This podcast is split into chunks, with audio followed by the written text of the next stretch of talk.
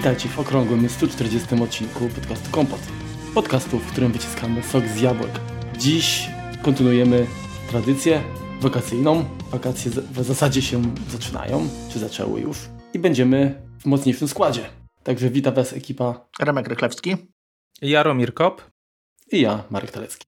Także już, już wiecie, że naszym gościem jest mag wyznawca Jaromir i wzięliśmy go tutaj nie bez kozery, bo chcemy wycisnąć z niego wszelkie informacje na temat HomeKita, Thread, Matter i innych rzeczy. Także już wiecie o czym. Przepraszam, ile mamy czasu? A dopóki taśma nie skończy.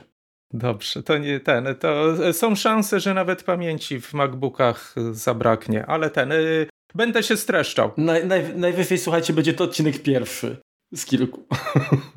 Także zobaczymy.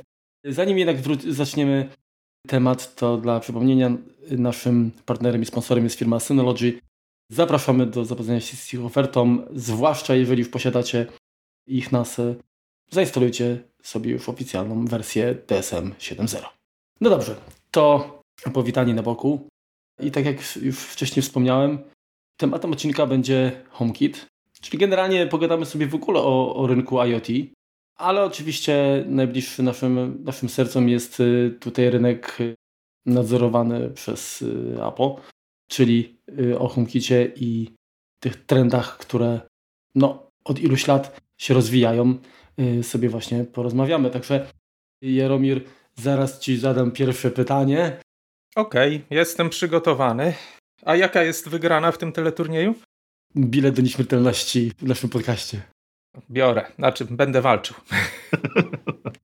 Generalnie trzeba było chyba zacząć od tego, czym jest IoT, jak ty to rozumiesz? Powiem uczciwie, że IoT to jest tak szerokie pojęcie, że ja się nim zajmuję średnio. Ja się po prostu skoncentrowałem na fragmencie, który mhm. jest y, z angielska zwany smart home, po naszemu sprytny dom, czyli bardziej urządzenia domowe. Oczywiście to jest, y, to jest podzbiór całego IoT. O całym IoT bardzo chciałbym się wypowiadać, bo jest po prostu za. To jest zbyt szeroki Niesłusznie. Temat. Generalnie, jak nazwa wskazuje, chodzi o urządzenia, które są podłączone do internetu i, i nie są za wielkie. Mhm. No, w cudzysłowie, co nie są. Bardziej chodzi o urządzenia, może nie o ich wielkość, ale o to, czy zauważamy, że one mogą być podpięte do internetu, czy możemy sobie z tego nie zdawać sprawy. I coraz częściej nie zdajemy sobie sprawy z tego, że tyle urządzeń, które nas otacza, się ze sobą komunikuje. Swoją drogą nawet y, część urządzeń takich, y, może nie AGD, a chociaż też, ale nie wiem, telewizory na przykład, które mają tam kamerki, mikrofony i tak dalej, no de facto one też po części są już takimi urządzeniami IoT, tak? Tak. I, no, i to wbrew naszej woli.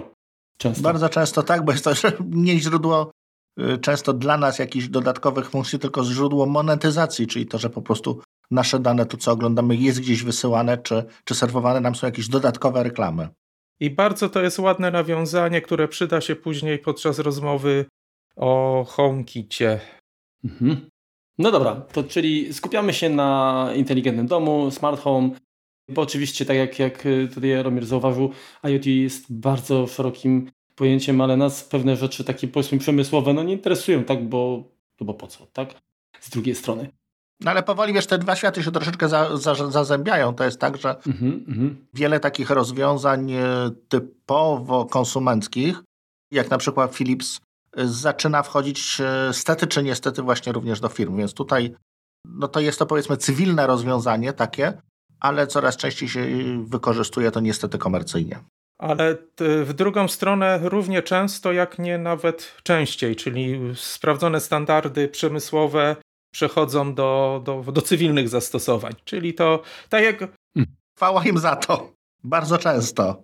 Tak, aczkolwiek czy, wie, wiele z nich jest y, rozwijanych równolegle i jakby nie do końca są przystosowane do, do współczesnych, do tego, co ludzie przywykli. I, i tutaj w, no i to czasem sprawiają problemy, bo o dziwo często rozwiązania przemysłowe nie są nastawione tak na bezpieczeństwo, no bo nie muszą, bo są zamknięte, a rozwiązania smart home są bardziej się, otwarte. Ale to też jakby taki, hmm, o tym też można by było rozmawiać dużo, ale myślę, że, że o samym HomeKicie będziemy mieli sporo do pogadania. Dokładnie. Pytanie drugie, bo Problem, myślę, jeżeli chodzi w ogóle o, o, o, ten nasz smart home, to jest taki, że mamy mnóstwo standardów, mnóstwo rozwiązań, bo każdy próbuje z tego tortu ugrać jak najwięcej dla siebie i przekonać potencjalnych klientów, tak? Jakie ty, y, Jaromírku, znasz y, protokoły, standardy komunikacji urządzeń IoT i może których używasz, jakiś, no bo tam... Tak, czy używasz i, i generalnie uważasz za naj, najbardziej godne uwagi.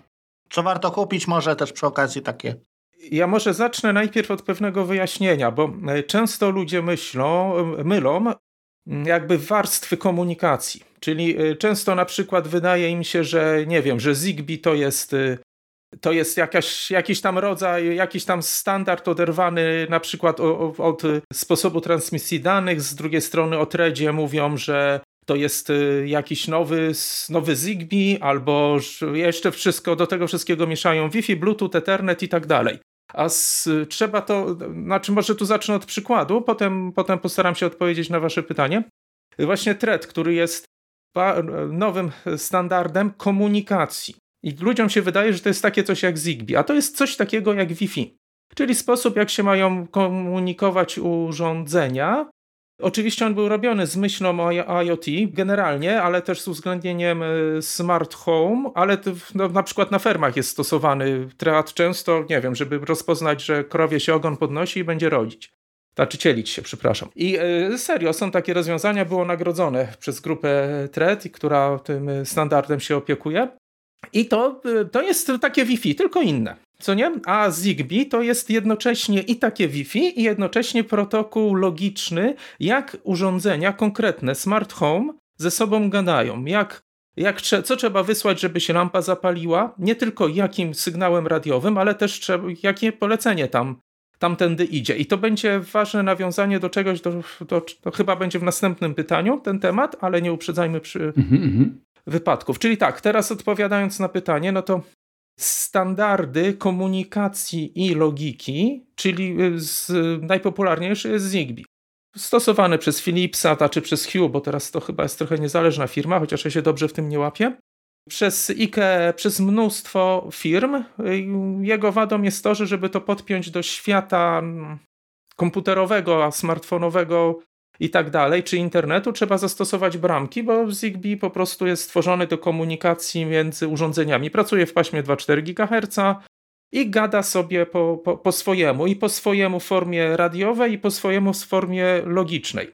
Potem jest Z-Wave, to jest coś podobnego, czyli też jest standard radiowy, zrobiony, połączony ze standardem yy, logicznym, jakby sposobu komunikacji. Jest jeszcze tych standardów więcej. Są na przykład yy, takie okna są dachowe. Oj, ta firma Veluk, coś na V. Mm, tak. I oni mają, e, łącznie z inną firmą odrobień od Rolet i Bram, mają swój standard radiowy i logiczny. Już mamy kilka takich znanych. Do tego jeszcze, nie wiem, dużo firm ma własne standardy, z tym, że najpopularniejszy to jest właśnie Zigbee i Z-Wave. Ja w swoich akcesoriach, e, od których zacząłem, mam swój standard radiowy, znaczy radiowy to jest zapożyczony od firmy Espressive, znaczy wbudowany w ich mikroprocesory, ale y, do tego jest moja logika i to jest całkowicie mój standard od parowania przez szyfrowanie i tak dalej opracowane, więc y, to bałagan straszny, bo każdy mógł coś zrobić po swojemu. No Zigbee oczywiście się wybił i dużo firm z niego korzysta. Niestety ma dużo wersji ze sobą niezgodnych. Niektóre urządzenia pracują jako repetery, inni nie, inne nie. No bałagan jest straszny. Z-Wave, Z-Wave jest znowu fajniejszy, bo często pracuje na niższych częstotliwościach, jeżeli nie zawsze, więc lepiej przenika przez przeszkody, ale jeszcze mniejsze transfery ma niż Zigbee, jeżeli chodzi o prędkość, no ale prędkość to jeżeli nie, no nie, nie ma w tym standardzie kamer, więc prędkość nie jest istotna specjalnie. Zgadza się. I oczywiście jest dużo urządzeń, które korzysta z standardów standardowych, czyli po IP komunikacja przez Wi-Fi albo Ethernet i po, po Bluetoothie. Ale też są e, standardy, które właśnie częściowo od przemysłu weszły, kablowe. Nigdy ich nie lubiłem, więc e, po, pozapominałem też nazwy. Pewnie LoRa z takich większych, ale to nie kablowa. Taki, ale, ale taki, znaczy trzy literki, taki skrót jest. Dobra, jak coś to dopiszemy w opisie do, znaczy mhm. po, proszę was, żebyście dopisali w, Jasne. w opisie. I to, y, to też są jakieś tam w miarę popularne, znaczy Są osoby, które się zdecydowały na te rozwiązania kablowe, no bo to też ma swoje zalety, ale no, też jest też no, dość ciężkie, do, no, trzeba o tym pomyśleć wcześniej, przy, przed budową domu i nie są to rozwiązania tanie. Czyli tak, podsumowując krótko, Zigbee, Z-Wave i standardy tradycyjne, Wi-Fi i tak dalej. I na tym wszystkim na białym, cały na biało wjeżdża thread. Thread, dokładnie. Mhm. Tak. Okej, okay, dobrze, to teraz tylko jest taki, taki, taka mała dygresja, czyli, bo wspominałeś o, o tym takim burdello bum bum, jeżeli chodzi o, o, o Zigbee, czyli to jest mniej więcej taki standard, jakim standardem jest DLNA, tak, że że właściwie nie ma pełnej zgodności, bo ciężko jest y, y, często zgrać urządzenia, które rzekomo wspierają, ale y, gdzieś to się rozjeżdża.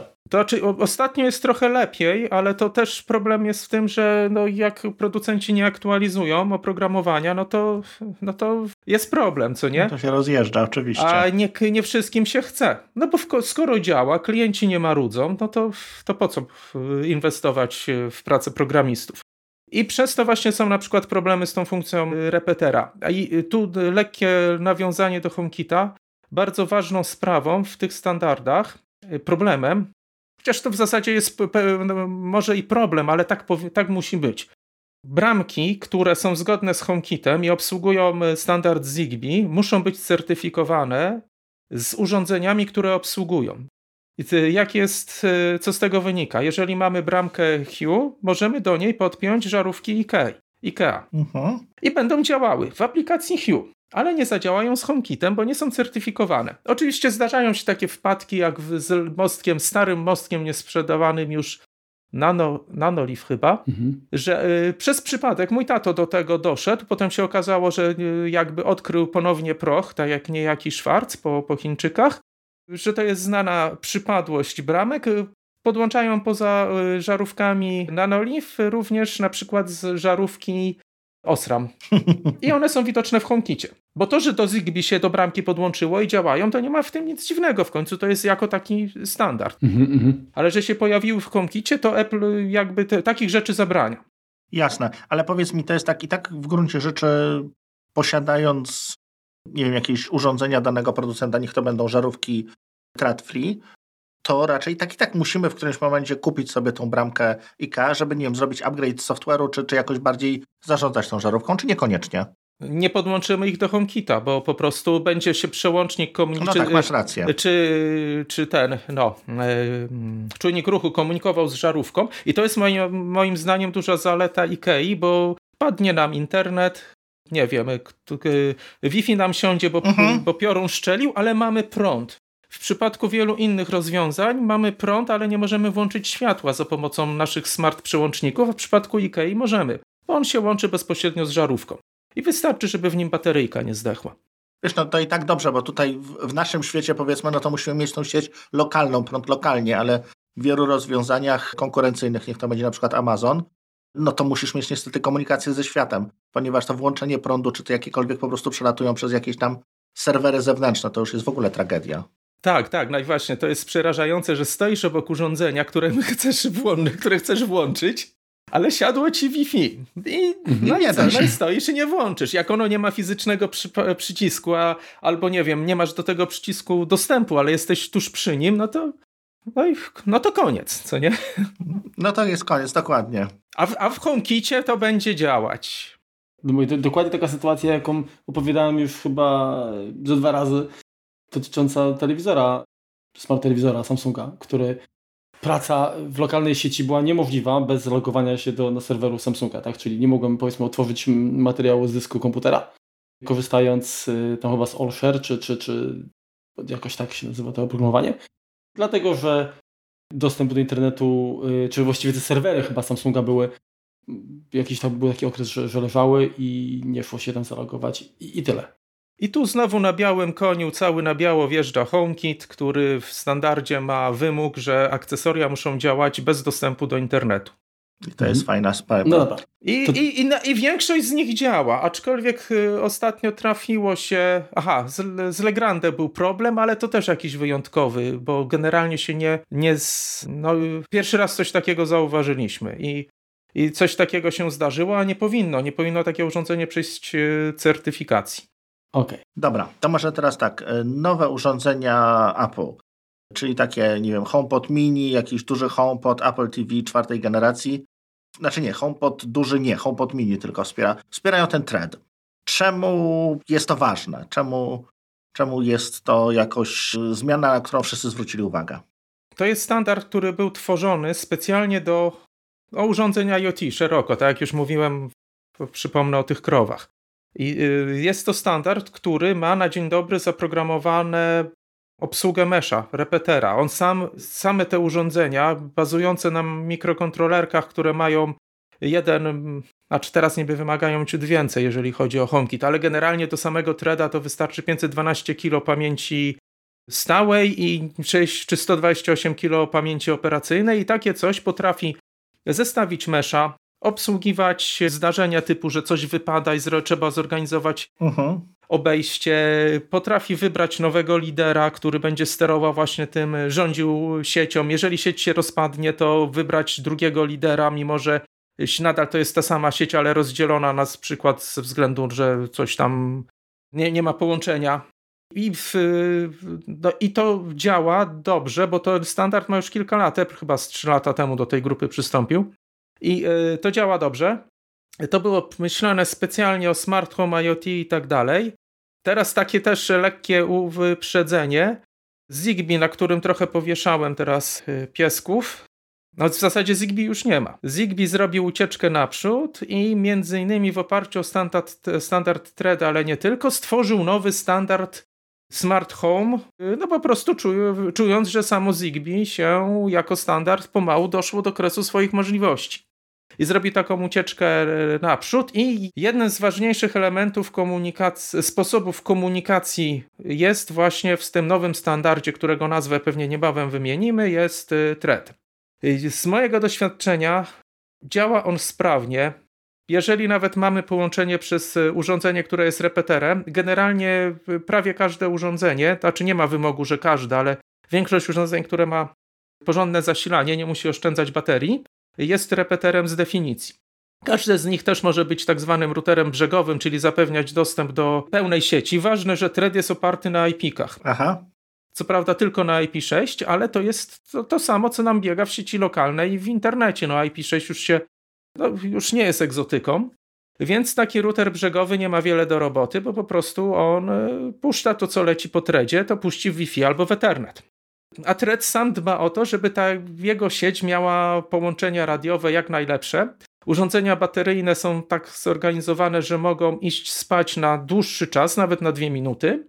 I w tym czasie, znaczy to urządzenie może działać, ale śpi jego moduł radiowy, dzięki który zazwyczaj ciągnie najwięcej prądu nie musi odbierać. To jest przewidziane w standardzie, że na przykład przez 15 sekund nie ma z urządzeniem kontaktu. Oczywiście, jak to jest czujnik ruchu i wykryje ruch, on automatycznie natychmiast może wysłać wiadomość do swojego routera, tego urządzenia nadrzędnego, że cyk, mamy ruch. Jeżeli tylko, że znowu urządzenie nadrzędne nie może się zapytać, jeżeli to jest na przykład czujnik temperatury, jaka jest temperatura w, dowolnym momencie. Znaczy może, tylko pytanie czeka na routerze brzegowym, aż tam to urządzenie się obudzi i się ziewnie i spyta, hej, masz tu jakieś newsy dla mnie? Tak, podaj temperaturę. Okay. wymieniają dane i dzięki temu urządzenia Thread, mimo że yy, o dziwo, na przykład Apple wymaga w HomeKicie bardzo dużą moc, moc nadawania, 16 dBi w Threadzie, nie wiem skąd oni to wzięli. Dużo, dużo. Dużo i do większości modułów trzeba wzmacniacze dołączać. Oczywiście Działa to równie dobrze bez tego, więc być może to, nie wiem, ktoś, może się z tego wycofają. Zwłaszcza, że w tym standardzie, o którym zaraz będziemy mówić, już nie ma takiego wymogu. I te urządzenia mają dobry, yy, dobry zasięg, ale nawet jak nie mają, to dzięki repeterom ta sieć się powiększa i błysk, te repetery działają błyskawicznie. Naprawdę, jak jest żarówka podpięta przez dwa repetery, to nie wiem, czy opóźnienie jest rzędu, nie wiem, ćwierć sekundy, jedna dziesiąta sekundy, no praktycznie niezauważalne. Więcej się więc więcej czasu do tego, do akcji dodaje chyba sam HomeKit niż, no tak. niż połączenie radiowe. Wspomniałeś IP wersji szóstej. Jak się ma do tego, bo kojarzę taki standard, standard y, TADO tego na przykład używało, 6 low pan.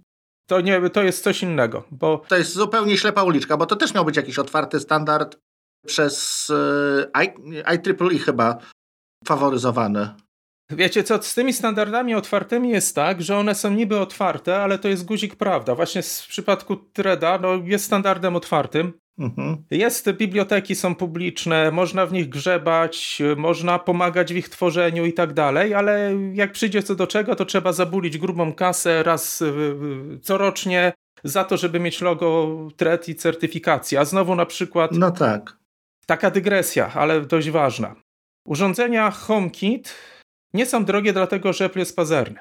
Nie chcę za dużo mówić, bo mam stosowne NDA, ale y, to wcale nie jest wina Apple'a. Znaczy jest, ale Apple nie, nie ma z tego kasy. Apple po prostu wymaga, że muszą mieć certyfikację Wi-Fi albo Bluetooth. Mhm. A Wi-Fi bierze sobie w najlepszym wypadku chyba 8 tysięcy dolarów rocznie. Za logo. Za członkowstwo Wi-Fi Alliance, za, za znaczek. I to jeszcze w przypadku, jak używamy certyfikowanych modułów. Jak mamy własne, no to już jest chyba 15 czy 20, nie pamiętam. Gruba kasa. No bo oni to muszą recertyfikować, znaczy sami jak gdyby teoretycznie sprawdzić. Ale płaci się za członkowstwo po prostu mhm. i ten. Y, w przypadku Bluetootha tam chyba jest, można jednorazowo coś tam certyfikować, ale to też jest gruba kasa. I gdyby Apple tego nie wymaga, o właśnie, no w przypadku Ethernetu nie mamy tego problemu, dlatego jest trochę akcesoriów typu bramka Hue, która ma wbudowane Wi-Fi, ale go nie używa. Jasne. Po co płacić, tak. Bo po co płacić? Hmm.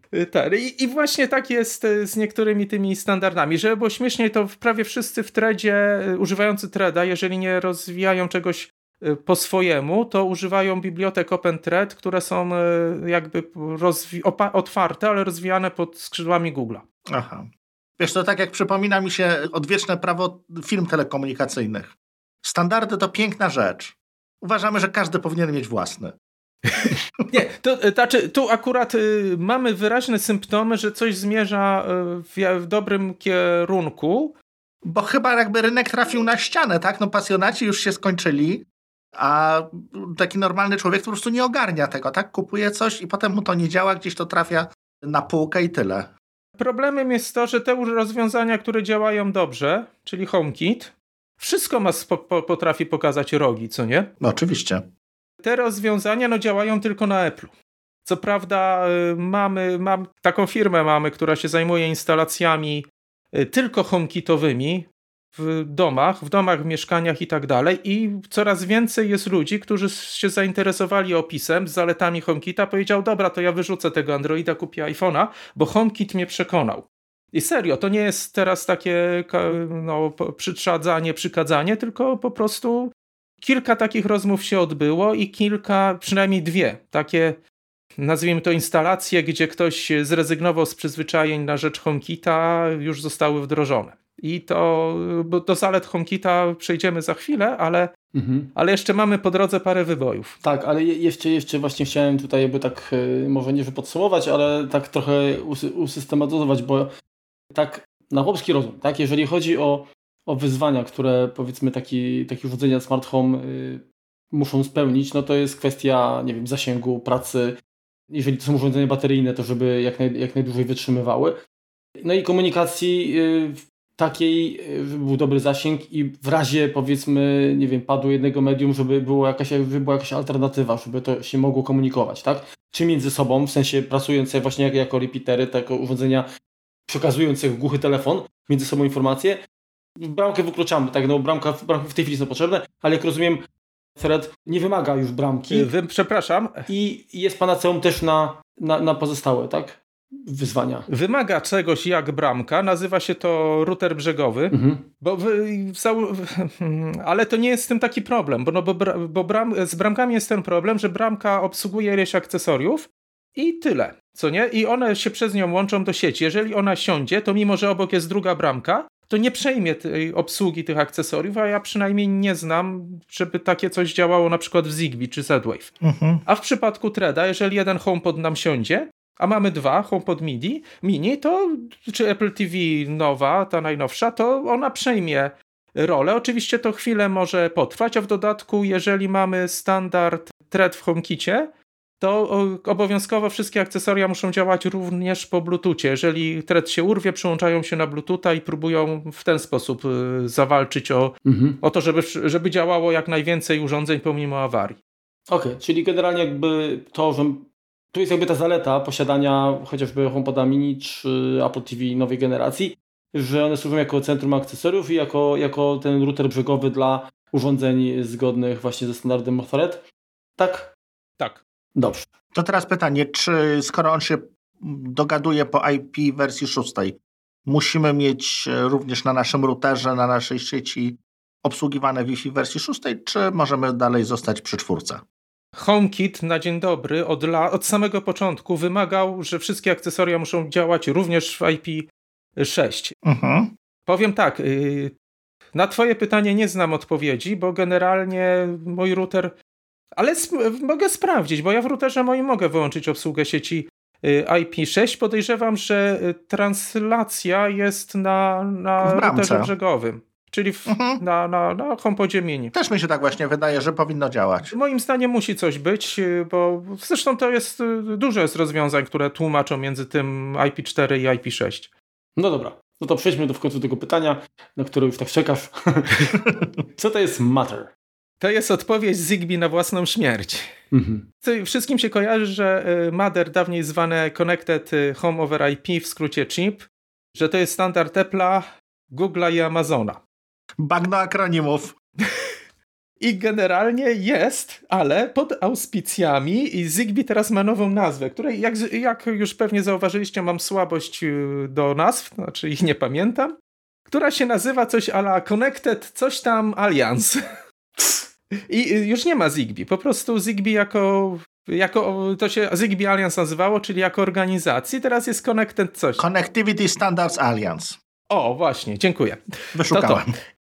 I ten, i, y, i generalnie y, to jest ta właśnie ucieczka naprzód, którą y, Zigbee za, zastosowało, pod, czyli nie wiadomo kto wyszedł pierwszy z pomysłem, czy to Zigbee czując nóż na gardle, czy, czy po prostu te trzy firmy, które są wymieniane jako, prowody, jako najważniejsze w tym zamieszaniu, się dogadały. To pewnie byłaby ciekawy temat na pracę doktorską kiedyś, albo magisterską przynajmniej. I yy, tak czy siak doszło do tego, że opracowano standard tylko i wyłącznie do zastosowań smart home. Znaczy, jak ktoś wymyśli inne, no to pewnie się da, co nie? Tak jak ostatnio wymyślili zastosowanie dla sieci Find My do przesyłania danych sensorów te, temperatury. Mhm. No bo ten, o tym wiele razy, znaczy do jakichś tam danych było pisane, ale to też taka dygresja. Firmy się skrzyknęły i stwierdziły, że robimy nowy standard, żeby będzie obsługiwane przez nasze systemy, czyli systemy Google'a, Amazon co ma tą? Alexę, tak? Tak. Alexę, no i oczywiście przez Apple'a. I teraz jesienią ma się coś już pojawić na rynku. Obecnie są urządzenia w fazie testów wewnętrznych. Już mamy zapowiedzi pierwsze, co jak Apple to będzie gryzł, czyli generalnie jak to będzie obsługiwane w urządzeniach, znaczy w systemach Apple'owskich ale w, no, w, większy, w wielu rzeczy dowiemy się dopiero jesienią. I też taka tu powrót do, do tego na mojego narzekania na otwarte standardy. Całe, wszystkie biblioteki Mader, czyli chipa, są dostępne publicznie. Możemy grzebać, ściągać, bawić się, ale wiecie czego nie ma dostępnego publicznie? Dokumentacji standardu. Do niej mają dostęp tylko członkowie y, Connectivity Standard Alliance, czy jak to, czy to, no tego właśnie. No to tak trochę kwestia otwarcia kodu, który nie wiadomo co ma robić, jest taka wtórna. No. Znaczy nie, no on jest opisany. To nie jest tak, że wszyscy wycięli wszystkie komentarze. To jest opisane. Nie, no, no tak. Ale, ale na przykład i, i, tu, i tutaj jak wspaniałomyślny jest Apple. Apple udostępnił dokumentację HomeKita publicznie. Do mhm. zastosowań mhm. amatorskich i tak dalej. Udostępnił ADK publicznie. Y, są firmy typu Espressive, które udostępniły swoje SDK HomeKitowe publicznie, które jest identyczne z certyfikowanym, tylko za wyjątkiem obsługi chipów MFI i autentykacji. Mhm. A w y, Mader tego póki co nie ma. Oni udostępnili kilka kodów y, właśnie do, mm, do y, kodów y, producentów i urządzeń do zabawy, do zastosowań amatorskich, ale na przykład nie wiemy, czy akcesorium, które, czy ja jak sobie wymyślę akcesorium, które będzie miało cztery lampy, czujnik temperatury i nie wiem, termostat, czy to przejdzie certyfikację, bo nie wiem, czy to wolno, albo czy jak sobie zrobię no tak. żarówkę, która będzie miała tylko reagowała na włącz i wyłącz, czy to przejdzie standard, no bo przykłady są, że włącz, wyłącz i togle. Znaczy i przełącz. Mhm. mhm. I, I, no to trochę boli, bo, bo o ile ja mam dostęp do dokumentacji HomeKita i na publicznej, to ma każdy. Wystarczy się zgłosić, za, zapisać za darmo i tak dalej. To do MFI trzeba podpisać cyrograf. cyrografy i im zapłacić tak, dokładnie. niewielką kwotę rocznie, jak mniej więcej za App Store'a i ma się dostęp do bibliotek, do dokumentacji, do wszystkiego, no i przede wszystkim do tego, że można zacząć produkować, planować urządzenia HomeKitowe. W przypadku Meder y, nawet ciężko się zapisać, bo wielokrotnie pisałem do nich, że chciałbym się zapisać, poznać warunki i tak dalej. Jeszcze warunków nie ma tak naprawdę upublicznionych. Jest ileś firm bardzo znanych, dużych firm i mniejszych też, ale bardzo znanych, tym kilka moich ulubionych, które już robią swoje akcesoria. Widać dużo, jak często się w repozytorium coś nowego pojawia, ile zmian Apple wprowadza, ile producenci chipsetów i tak dalej, to żyje. Mhm. Tak samo w, podobnie jest w Tredzie i w zasadzie w HomeKicie też cały czas widać zmiany w bibliotekach. Ale na większość rzeczy przyjdzie nam czekać do jesieni. Nie wiem, czy teraz opowiedzieć, jak to będzie obsługiwane w HomeKicie, czy to będzie gdzieś za czas jakiś w planach to, naszego podcastu. No, opowiedz, opowiedz. No to od razu leci. Dobra, bo tak. Najważniejsze jest to, po pierwsze, że firmy te trzy wielkie zobowiązały się, że ich standardy dotychczasowe, czyli Google Home, którego nie wiem, czy ktoś tego używa, ja nie znam takich osób. Ja przez chwilę próbowałem. Aha, no, ale dużo jest urządzeń na. Zobaczymy, ile to wysyła danych, to tak, to się pozbyłem. No właśnie. Amazon już jest bardzo popularny, Alexa, wiadomo. HomeKit i y, te wszystkie standardy mają być obsługiwane przez ho, ho, ho albo i dłużej. Tyle, ile będzie trzeba. I Apple sobie zrobił, wymyślił to bardzo rozsądnie, po prostu Mother jest obsługiwany w HomeKicie. Czyli jest coś, co będzie tłumaczyć z maderowego, z chipowego na HomeKitowe. Dzięki temu Aha.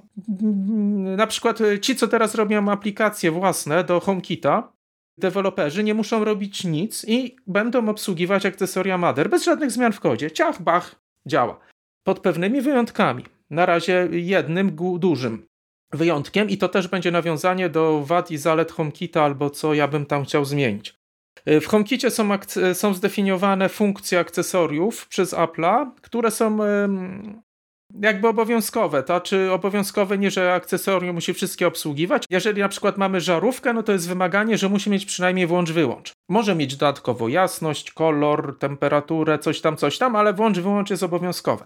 Y, I y, są, są charakterystyki zdefiniowane przez Apple, ale każdy producent może zrobić własne. Na przykład HomeKit, znaczy aplikacja do mnie obsługuje ciśnienia atmosferycznego albo zużycia energii ale akcesoria ściśle HomeKitowe, które nie używają innych protokołów transmisji niż HomeKit, na przykład firmy IF, mają i moc, i mają e, ciśnienia atmosferyczne.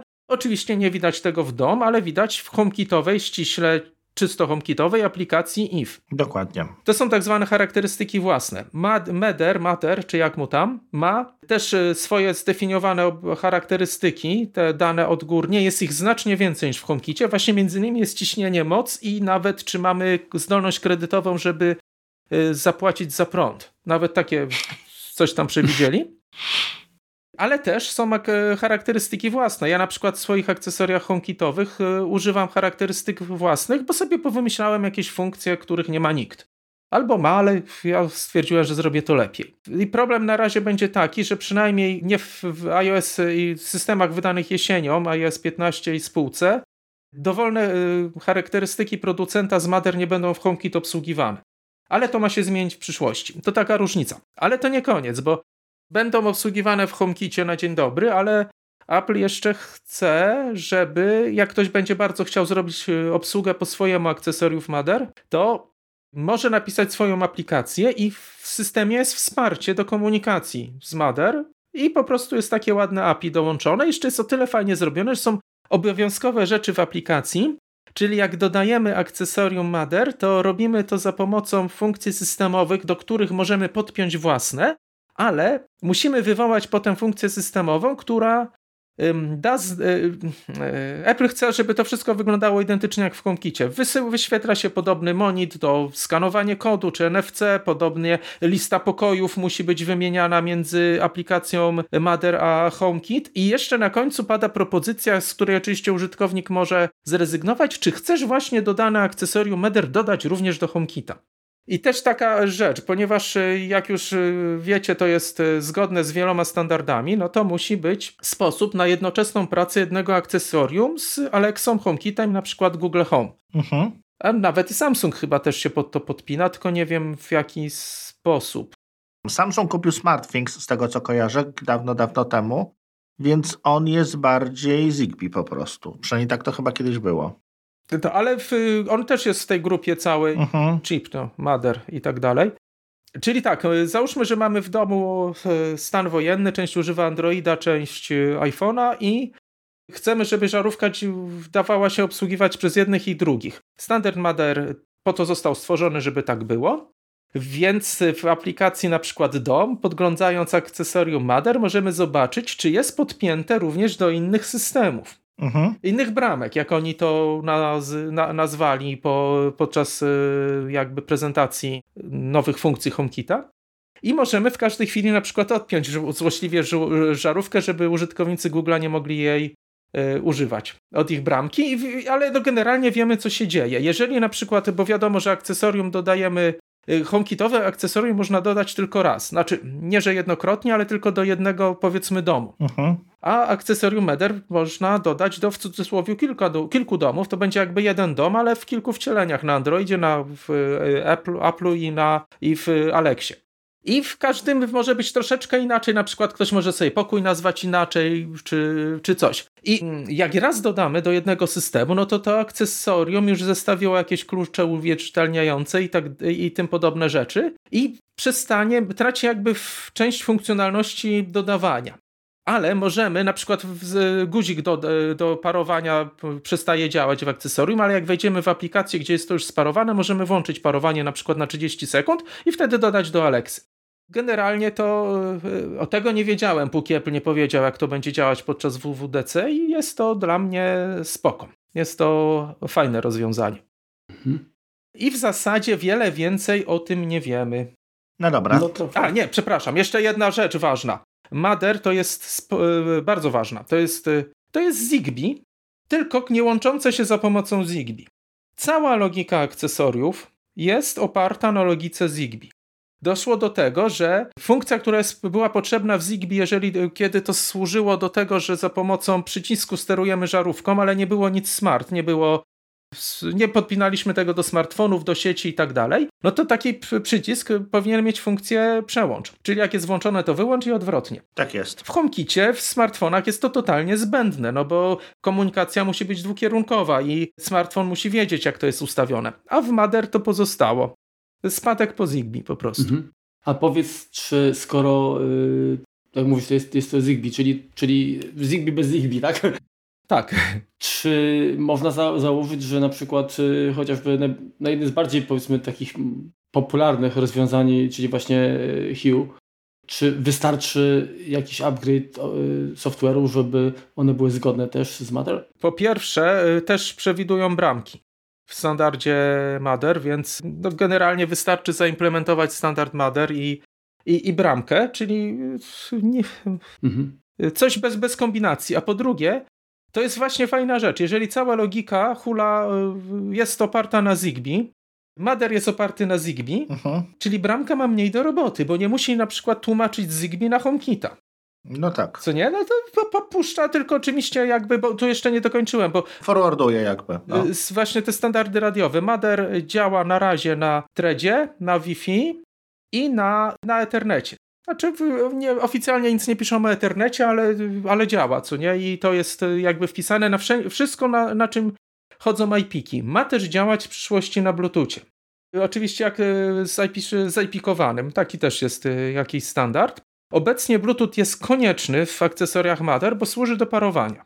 Najpierw nawiązują urządzenia, zresztą dużo na przykład access pointów ma teraz wbudowany Bluetooth, tylko żeby Linksys na przykład, żeby, tylko żeby go szybko i elegancko wyszukać, dokładnie. Tak, i, i przekazać mu tam informacje z aplikacji i tak dalej. Mhm.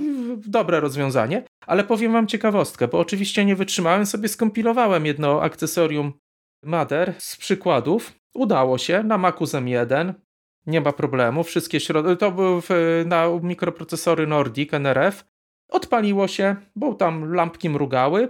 Do domu się nie dało dodać, bo pierwsza beta jeszcze tego nie obsługuje. Ale projekt y, zawiera również aplikację testową na projekt w Xcode. Znaczy, projekt Mother ma projekt w Xcode do aplikacji do testowania. Ją się uruchomiło. Mhm. O dziwo udało mi się podpiąć akcesorium, ale nie, nie chciało się podpiąć do, do sieci Thread.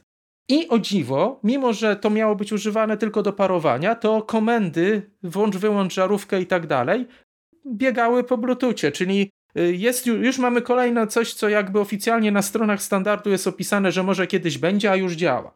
No taka, ta, ta, taka ciekawa. No producent sobie uprościł po prostu troszeczkę. No to teraz myślę pytanie, na, na które chyba najwięcej byś miał do powiedzenia. Jaka jest według Ciebie przewaga HomeKita względem konkurencji, czyli Google Home, y, y, Amazon Alexa. No bo tak jak już Remek wspomniał, kwestia wysyłania informacji zbędnych, tak? Czy konieczność jakby komunikacji się, komunikacji tych urządzeń poza siecią lokalną, czyli taki serwer, to jest, tak? To jest ogromnie ważne.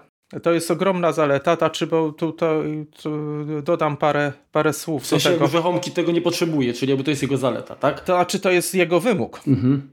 że akcesoria muszą działać tylko w sieci lokalnej, a za całą łączność ze światem odpowiadają centra akcesoriów, które są stricte Apple'owskie. Żeby było śmieszniej, parę lat temu były w standardzie HomeKit urządzenia iCloud, czyli akcesoria mogą łączyć się z iCloud, ale Apple z tego wyszedł. Wy, wywalił to ze standardu.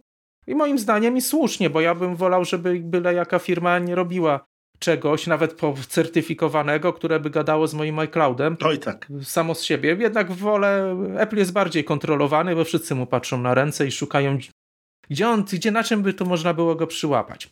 To jest najważniejsza zaleta, prywatność.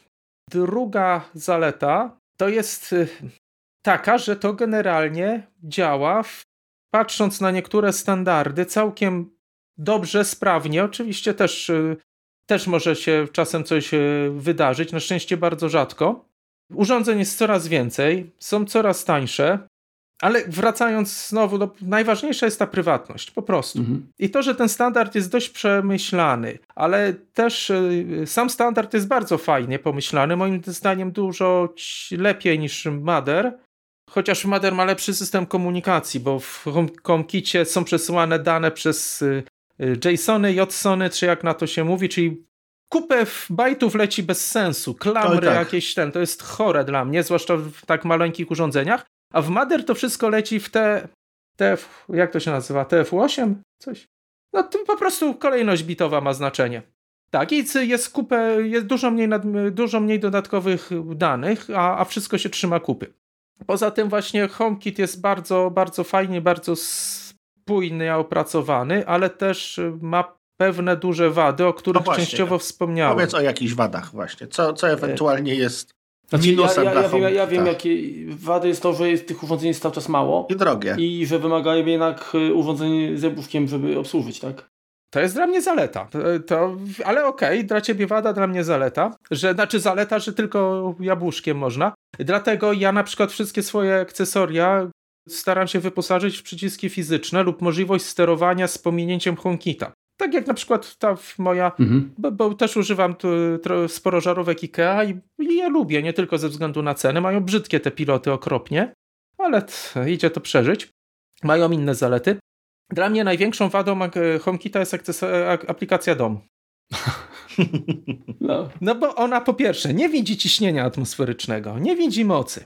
Znaczy, no to ten. Nie widzi, nie widzi charakterystyk producenta, a mogliby to ogarnąć stosunkowo łatwo. Na przykład teraz w HomeKicie się definiuje, że jak mam jakąś własną charakterystykę, to mam do wyboru kilka jednostek, typu na przykład stopnie Celsjusza, nie wiem, kąt otwarcia czy coś tam, mogę sobie wybrać.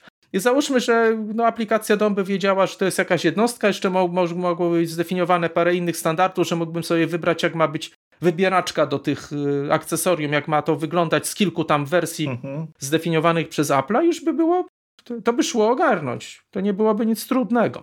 Na szczęście są aplikacje producentów, ale przez to, że w aplikacji DOM, e, e, pamiętajcie, ważna rzecz, HomeKit powstał dwa lata wcześniej przed aplikacją DOM. Przez dwa lata nie było aplikacji systemowej, były tylko aplikacje producentów. Miały taki wymóg, że każda z nich musiała obsługiwać wszystkie zdefiniowane przez Apple w HomeKicie funkcje mhm. i mogła obsługiwać własne, więc generalnie to, to jedną aplikacją można było wszystkie zrobić to, co teraz w domu. Mniej lub bardziej wygodnie, bo to dom jest ładnie zrobiony i dość wygodny. To, to trzeba przyznać. Druga rzecz, automatyzację w dom to jest za wyjątkiem skrótów dla domu, które są bardzo fajne, ale za długo można by było o tym mówić. Znaczy można skróty z aplikacji skróty, ale tylko wersja trochę okrojona dla domu, bo ona jest nie jest związana z użytkownikiem, tylko jest e, związana z domem, więc nie może mieć dostępu do naszych prywatnych danych.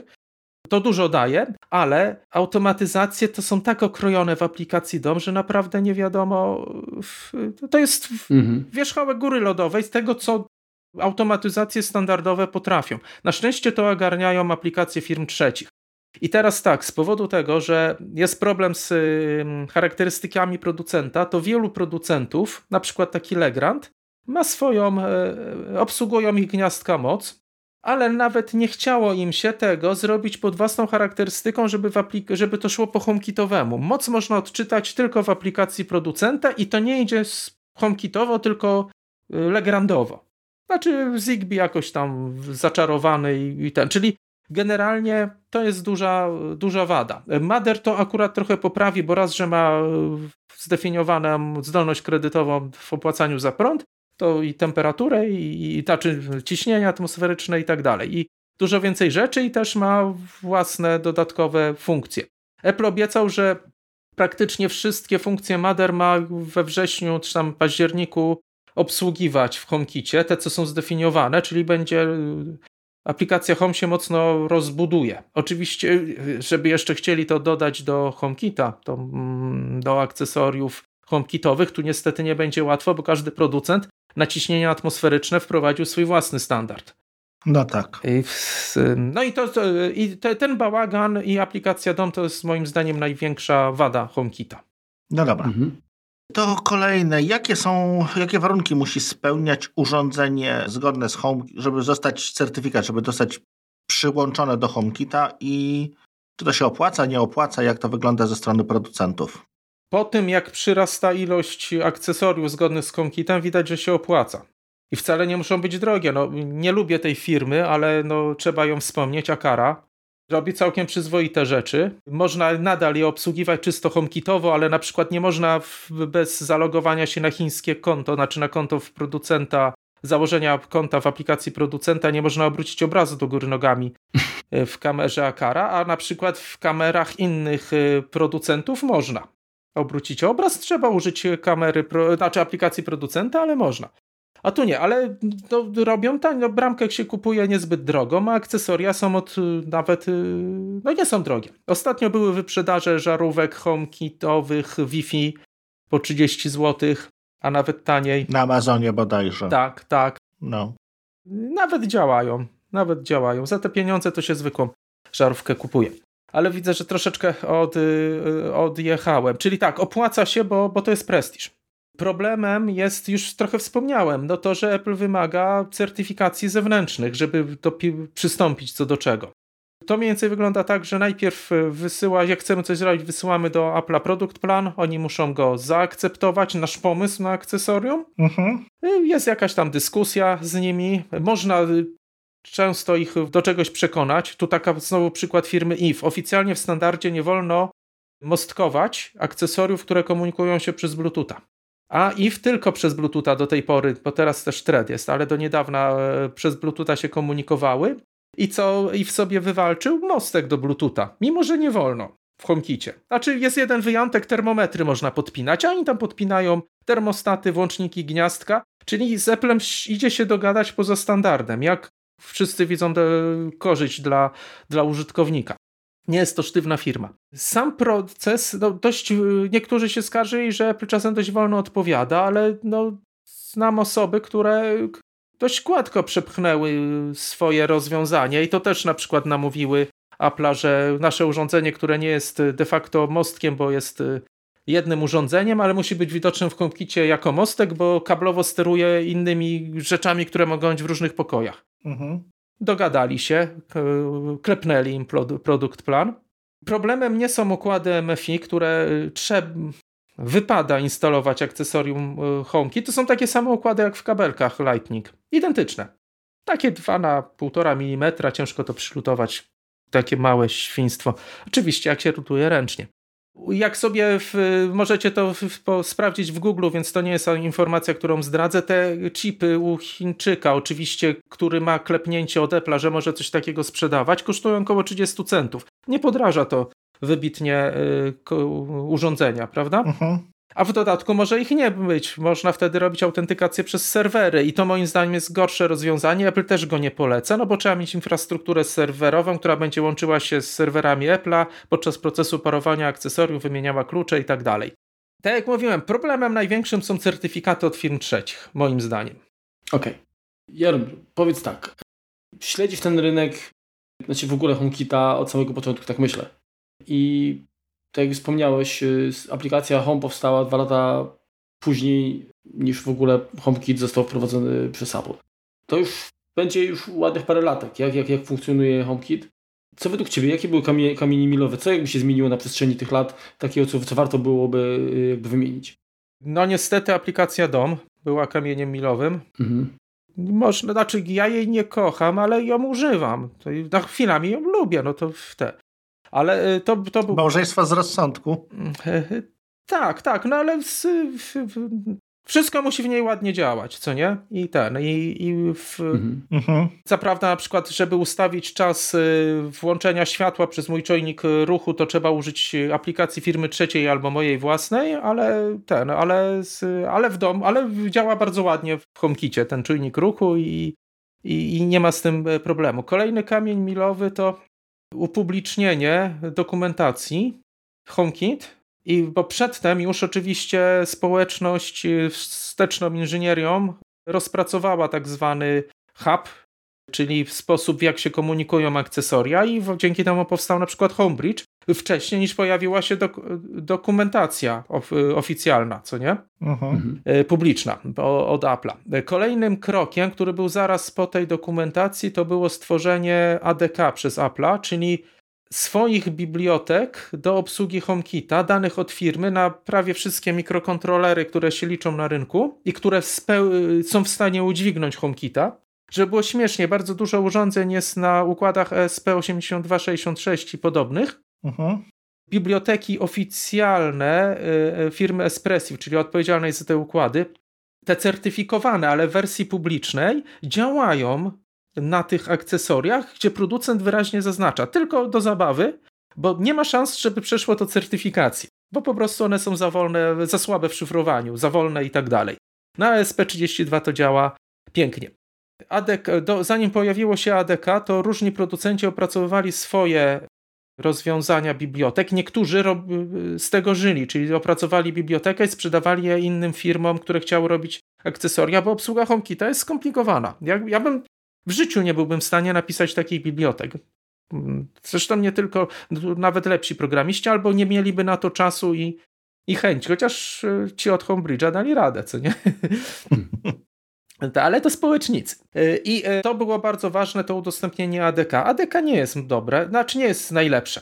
Na przykład Espressi swoje biblioteki, te co też udostępnił publicznie, ma mega lepsze, tylko że on robił je na swoje układy. To coś jak z systemem macOS i ten Apple robi na swoje komputery, ten system dobrze działa jak coś musi działać na różnych komputerach, bywa z tym różnie. Mówią, że teraz y, trochę lepiej, ale różnie. Działa jak Windows. Tak, i, e, a więc y, biblioteki y, Apple'a, które te same biblioteki są skompilowane na różne, teraz jest już w postaci kodu źródłowego. Przedtem było tylko w postaci skompilowanych bibliotek na poszczególne procesory.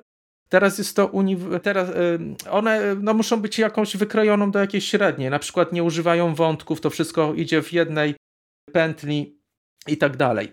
głównej, ale to już szczegóły programistyczne. Ale to jest, udostępnienie tych bibliotek było bardzo ważne, bo ułatwiło amatorskie zabawy, a wiadomo, że im więcej ludzi się bawi amatorsko, tym w przyszłości może to działać lepiej, bo e, Apple też zdobywa doświadczenia na tym, jak to działa lub, lub nie działa. Jasne. I to, to te kamienie milowe, czyli to podsumuję. E, aplikacja DOM, udostępnienie biblioteki, udostępnienie ADK.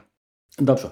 Y, to teraz tak, mhm. ta aplikacja DOM już tutaj wyraziłeś swoje zdanie, że ją lubisz tak umiarkowanie i generalnie ja się podpisuję pod tym. Tak, uważam, że ona jest bardzo ograniczona, ona jest fajna, ale to jest tak troszeczkę trochę jakby z mojego punktu widzenia zmarnowany potencjał, tak? Czyli ja dostaję coś, co, co wygląda fajnie, tak, zachęcająco i nagle się odbijam od ściany, bo nie mogę zrobić tego, co bym chciał. Wiesz co, krótko I... ci, przepraszam, wejdę ci w słowo, bo największą wadę to, to są automatyzacje, bo krótkie porównanie. Mhm. W aplikacji DOM możemy zrobić automatyzację, na przykład czujnik ruchu wykrywa ruch, no to zrób coś tam. I ewentualnie odwołać, czyli włącz światło, ewentualnie wyłącz po iluś minutach. Tak, tak jest. Yy, ma fajne automatyzacje typu ostatnia osoba wychodzi z domu, wszyscy wyszli z domu i tak dalej. Tak zwane triggery, bo to są rzeczy, które wywołują. Mhm. Ale poza warunkami, że coś dzieje się o tej porze dnia, albo czy ktoś jest z domu, czy nie, nie ma żadnych. A HomeKit obsługuje Dokładnie. bardzo dużo warunków. Na przykład można sobie zrobić automatyzację, że zapal światło, jeżeli jasność w pokoju jest mniejsza niż i jeżeli drzwi są zamknięte. W, w, aplikacji DOM tego nie zrobisz, a w HomeKicie, w aplikacji firmy trzeciej to zrobisz bez problemu. No właśnie. I bez używania skrótów. I stąd pytanie, jakich, z jakiej aplikacji third party ty korzystasz i, i które, które byś polecił? Naj... Do niedawna prawie wszystko robiłem w darmowej aplikacji IF, czyli producenta akcesoriów IF. I ich aplikacja, oczywiście tak jak Apple wymaga, musi obsługiwać y, standard HomeKit, czyli to co zdefiniowane, ale bardzo fajnie obsługu, robi się w niej automatyzację, ale jedną rzecz od paru wersji skopali i nie idzie ich namówić, żeby to przywrócili. Prosty przykład. Robimy termostat, czyli y, temperatura się zmienia, no to trzeba włączyć ogrzewanie. Ale jeżeli temperatura jest powyżej. Wielu ludzi popełnia ten błąd, że sobie jako trigger zrobi, że jeżeli temperatura spadła poniżej. I niestety są, mają problem, bo ta w, w, automatyzacja wywała się tylko raz, jeżeli temperatura przechodzi przez ten próg. A jeżeli na przykład była awaria prądu i jest poniżej tej temperatury, to automatyzacja się nie wywoła. Trzeba tą automatyzację zrobić tak, że triggerem, czyli czymś, co wywołuje ją, jest dowolna zmiana temperatury, a dopiero potem jest sprawdzany warunek. I tego już w aplikacji IF zrobić nie można. Dlatego drugą aplikacją, którą bardzo lubię, jest Controller for HomeKit, bo ma AnyChange. Żeby było śmieszniej, darmowa Fibaro też ma AnyChange, czyli dowolna zmiana wywołuje automatyzację, a potem sobie sprawdzamy warunki. Mhm. I czyli e, if z darmowych e, Controller for HomeKit też jest darmowy w podstawowych funkcjach, ale automatyzacje się łapią. Bardziej zaawansowane jak backupy domu i tak dalej e, są już płatne. Lubię tą aplikację, beta testuję, tam mam kontakt nawet z jej autorem. Czasem, czasem wymieniamy zdania, bo czasem trzeba go troszeczkę mhm. nakierować. Wcześniej już się przywijała nazwa Homebridge, tak? Czyli mostek czy brama, tak, która pozwala urządzeniom, które nie mają certyfikacji, tak, które generalnie nie są przygotowane do, do, do pracy chyba z, kompitem, z HomeKitem, tak, żeby jednak szło je jakoś pożenić, tak, tak, tak to rozumiem, tak? Dokładnie. Korzystasz z tego? Korzystałem, no bo no wiadomo, te urządzenia na tych mikroprocesorach ESP8266, które można kupić za 6 dolarów, jeżeli nie taniej, no do HomeKita nie, nie idzie ich bezpośrednio podpiąć, ale przez HomeBridge'a na przykład można. Znaczy teraz jest oprogramowanie, które można w nie wgrać, chociażby właśnie nawet oficjalne, ale wtedy, jak ja się zacząłem tym bawić, nie było. Więc musiałem uruchomić HomeBridge'a. Tu też taka ciekawostka. Apple zabrania mostkowania nie tylko akcesoriów Bluetooth, ale akcesoriów korzystających z sieci IP. Czyli na przykład y, takiego przełącznika za 6 dolarów, nie można, który łączy się przez Wi-Fi i komunikuje po sieci IP, nie można oficjalnie podpiąć do mostka, mhm. bo Apple zabrania, ale do Homebridge'a można, bo Homebridge nie ma, nie musi się liczyć z wymaganiami Apple'a i to działa. Y, działa raz lepiej, raz gorzej, dużo zależy od, od zastosowanych pluginów do Homebridge'a. Używałem i w, od momentu jak uzyskując, y, uzyskałem dostęp do oficjalnych bibliotek. Najpierw jeszcze, jeszcze zanim było ADK, czyli tych Espressiva, po prostu zacząłem pisać własne mm, aplikacje, znaczy własne, własny kod na akcesoria i robić to, to po, swoi, po swojemu, więc już nie musiałem używać Homebridge'a. Jeszcze by było, y, to nie jest jedyne rozwiązanie tego typu, jest na przykład Home Assistant. Zgadza się. A żeby było śmieszniej, to ostatnio yy, Dawid Olczak, który właśnie jest jednym z głównych wdroży... instalatorów HomeKita w Polsce, zakupił pewne urządzenie, rozwiązanie za bardzo grubą kasę od pewnej niemieckiej firmy, gdzie wszędzie na stronie miało napisane, że działa z HomeKit. I trochę się zdziwił, dodając to urządzenie do HomeKita, bo napisało, że urządzenie nie posiada certyfikatu. O. A żeby było śmiesznie, to producent twierdzi, że są na etapie certyfikacji. Ciekawe, że Apple im głowy nie ukręci za coś takiego. Jak widać, nie ukręca, więc. Y, I ma... Tu się obawiam, że z Mader może być trochę gorzej niż jest teraz z naszym kochanym i przyjacielskim i szczodrym Applem. Mhm. Mimo, że ten Mader ma być taki otwarty.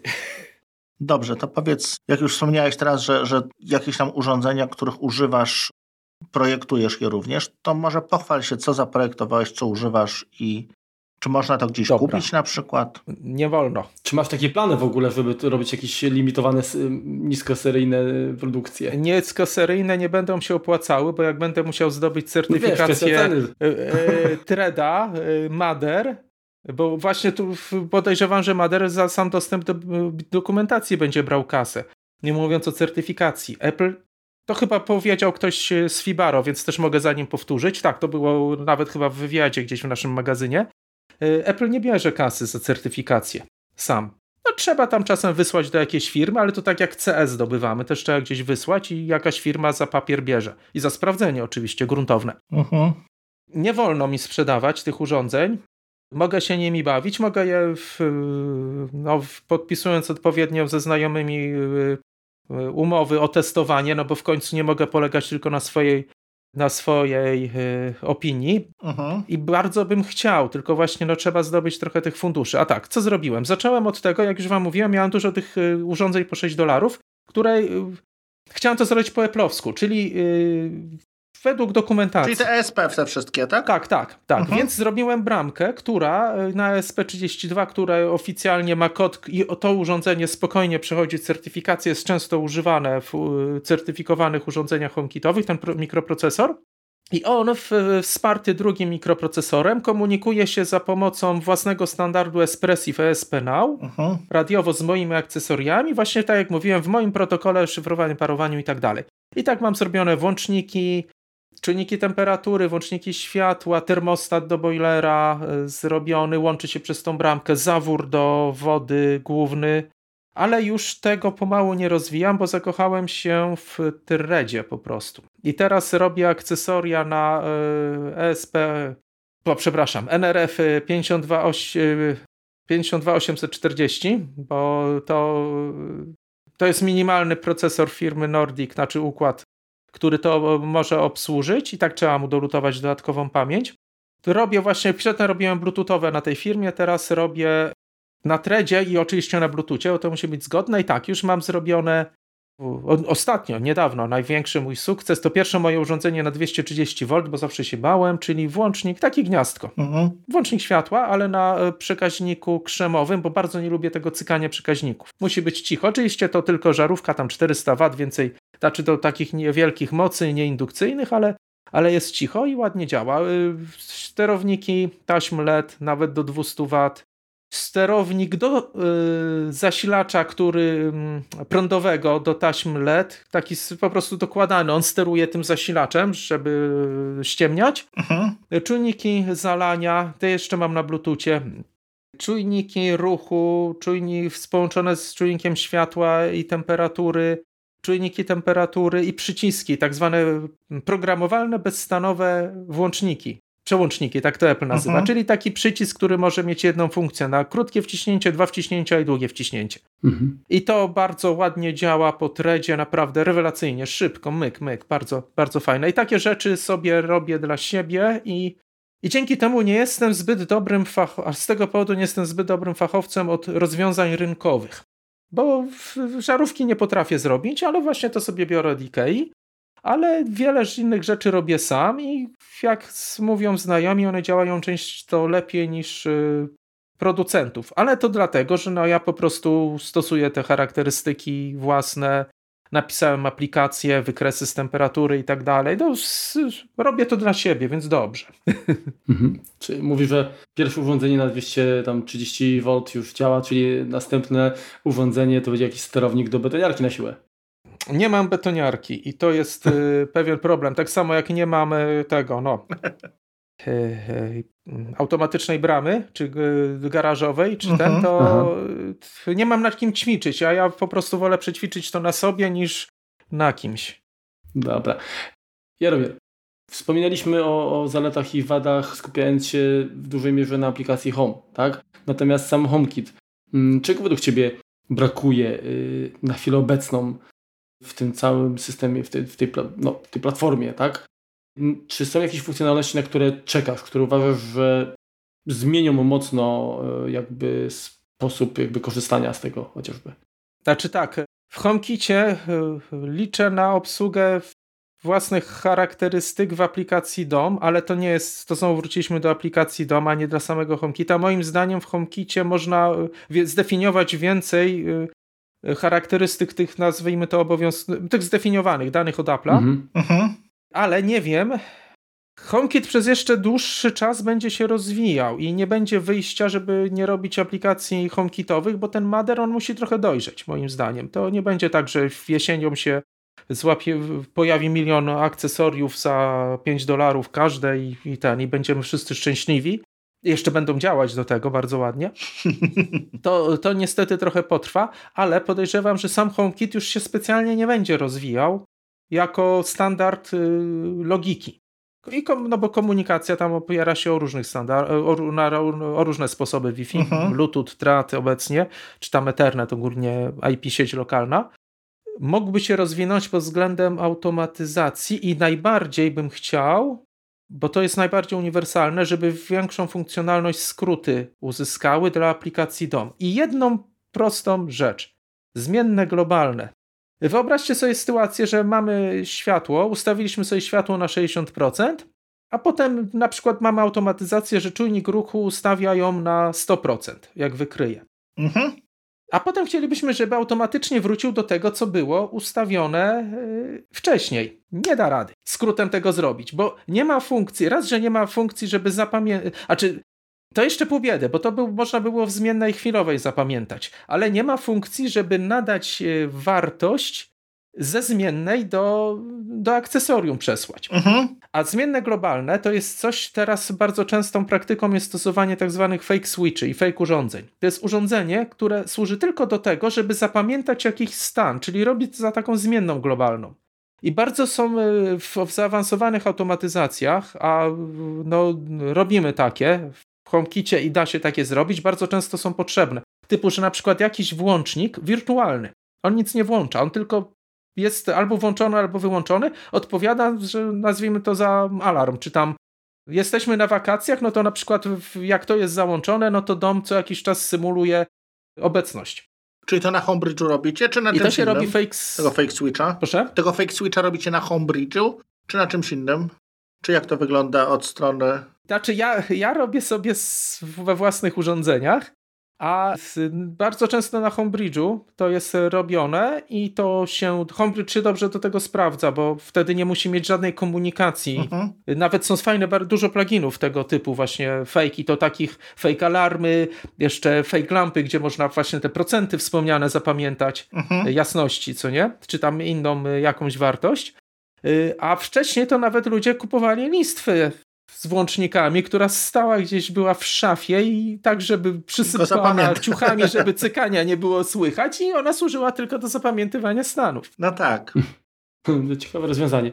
A ja tak a propos ym, tej aplikacji skróty, tak bo wspominałeś, że ym, do aplikacji Home są skróty też, tak? Tak. I one są jakby ym, to jest odrobna sytuacja niż, niż, niż te akcje, te, te workflow, które tworzymy w skrótach, związane bardziej z użytkownikiem, prawda?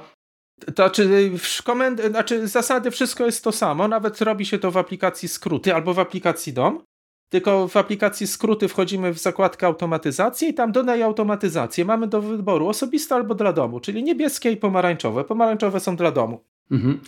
Dobrze, to, to powiedz, czy te dla domu mają y, więcej możliwości, bo o co mi chodzi? Jest coś takiego, y, że możesz po przyłączeniu na przykład do sieci Wi-Fi, możesz y, zainicjować jakąś akcję, ale normalnie to jest tak, że pojawia się monitor, ok, przyłączyłeś się do tej sieci, czy chcesz uruchomić to czy tamto. Czyli dodatkowo użytkownik musi potwierdzić.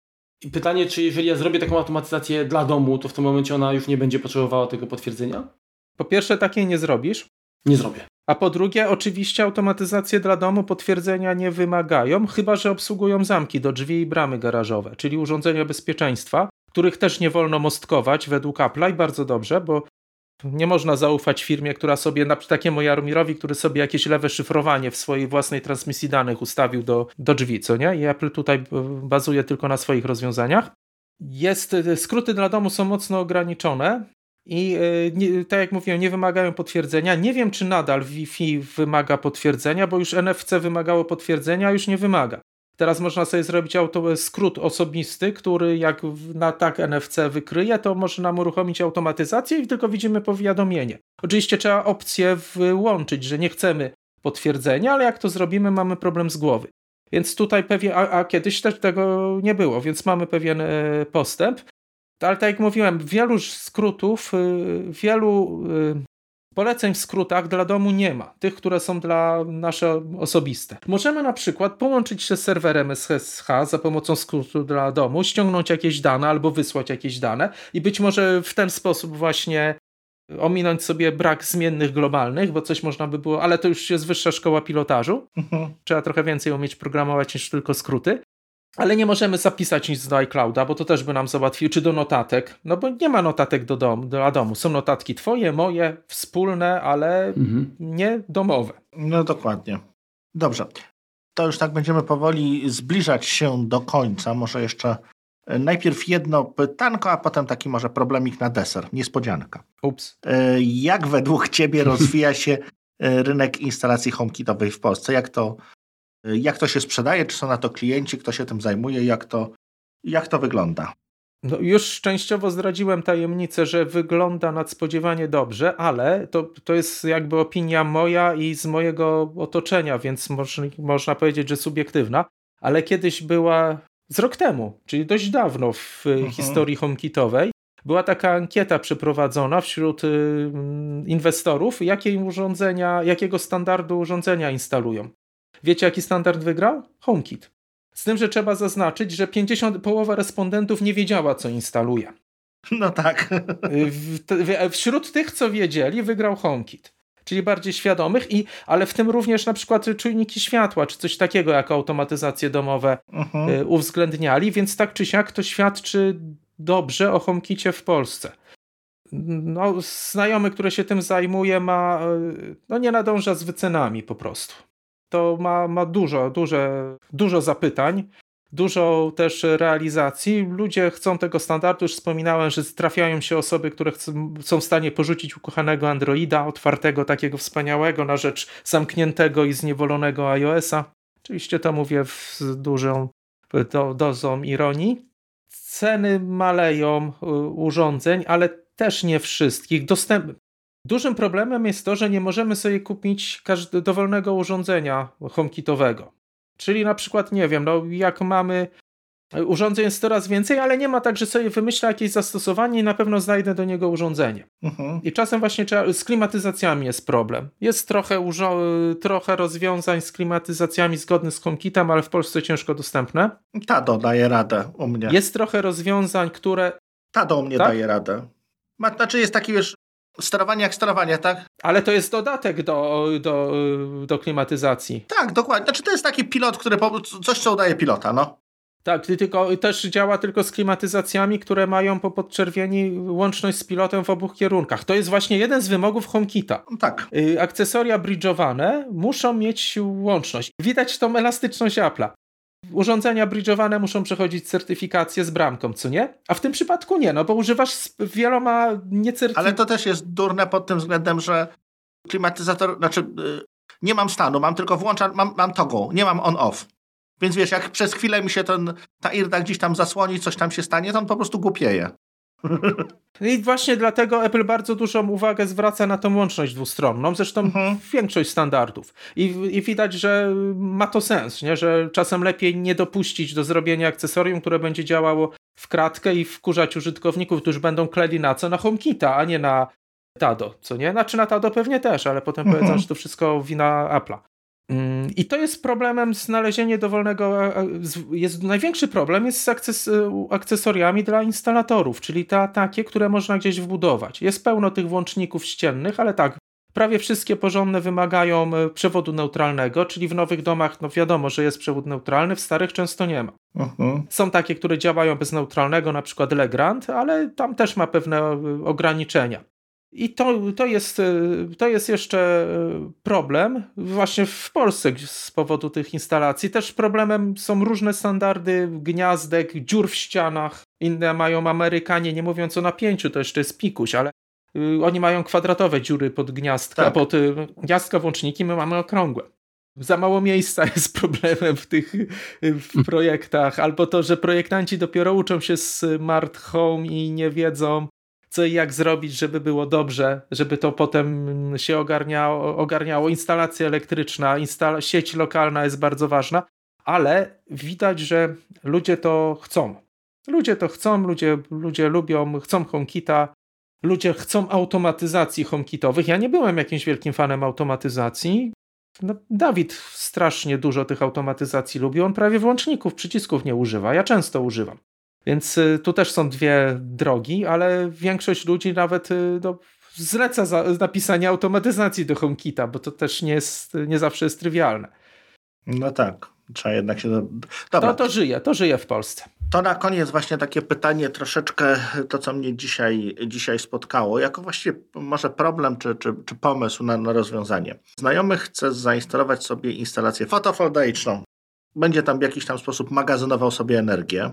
I teraz jest kwestia tego, żeby, czy da się zrobić coś takiego, że ma tam, wie, że ma tam tyle i tyle, i tyle energii zmagazynowane, przychodzi noc i teraz tak, czy może wstawić, nie wiem, pralkę na przykład, żeby automatycznie włączył pralkę, zmywarkę w momencie, kiedy raz, że nie może za dużo tej mocy pobrać, żeby mu y, ten akumulator wyrobił.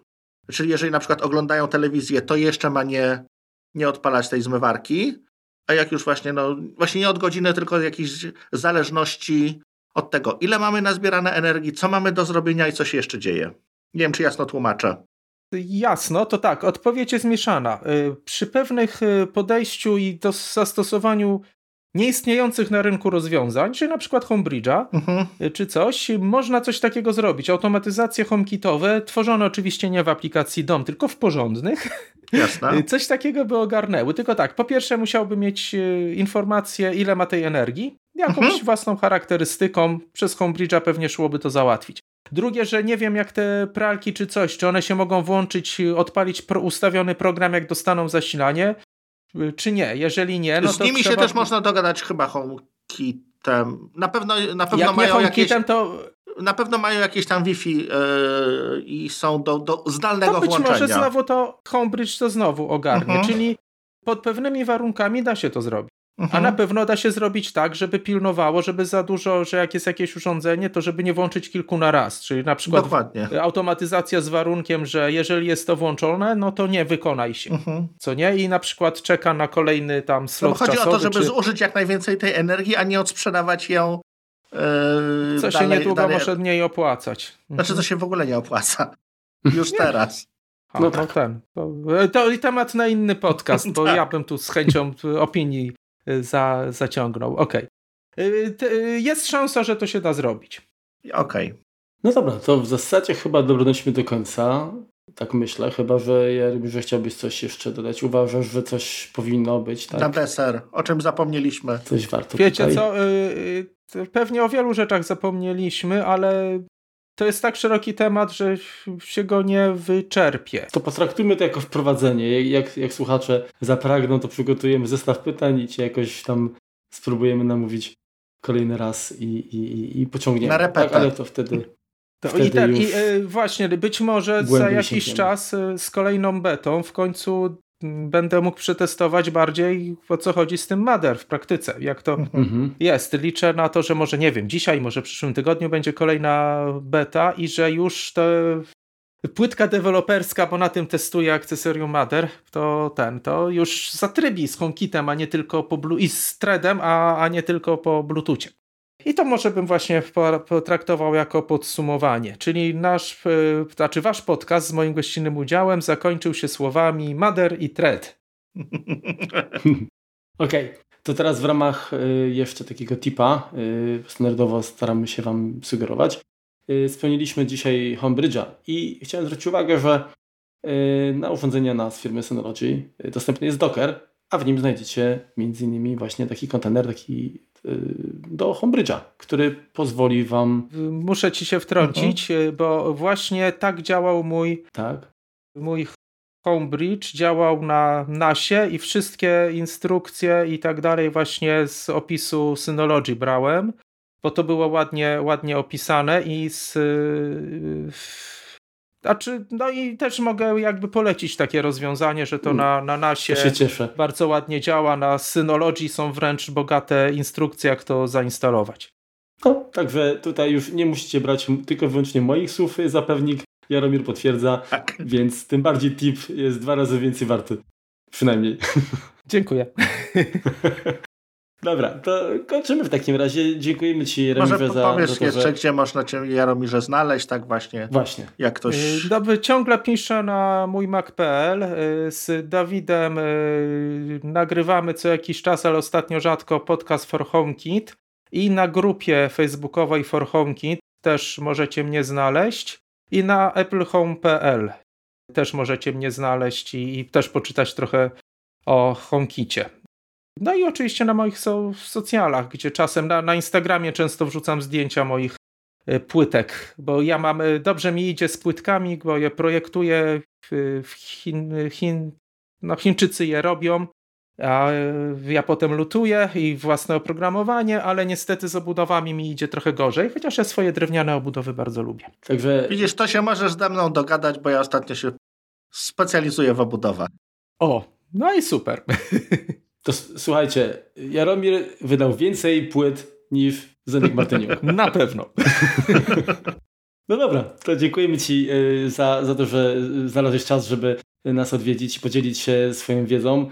E, bo nie da się ukryć, że chyba jesteś jedną z najbardziej zdenerwowanych e, osób w Polsce, jeśli chodzi o, o ten temat.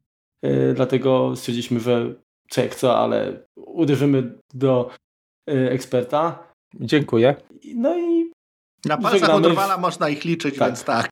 Także dziękujemy no, te, też, się, też się cieszę i dziękuję, bo miło było z Was usłyszeć i ponieważ rozmawiamy przez FaceTime'a, ale z włączonym wideo, to również zobaczyć. Słuchacze tego nie zobaczą, ale ja się cieszę, że widziałem Wasze I, mordeczki. E, jak FaceTime, to facjaty. No Dzięki. Dzięki. Trzymajcie się, na razie, cześć. Cześć. Cześć.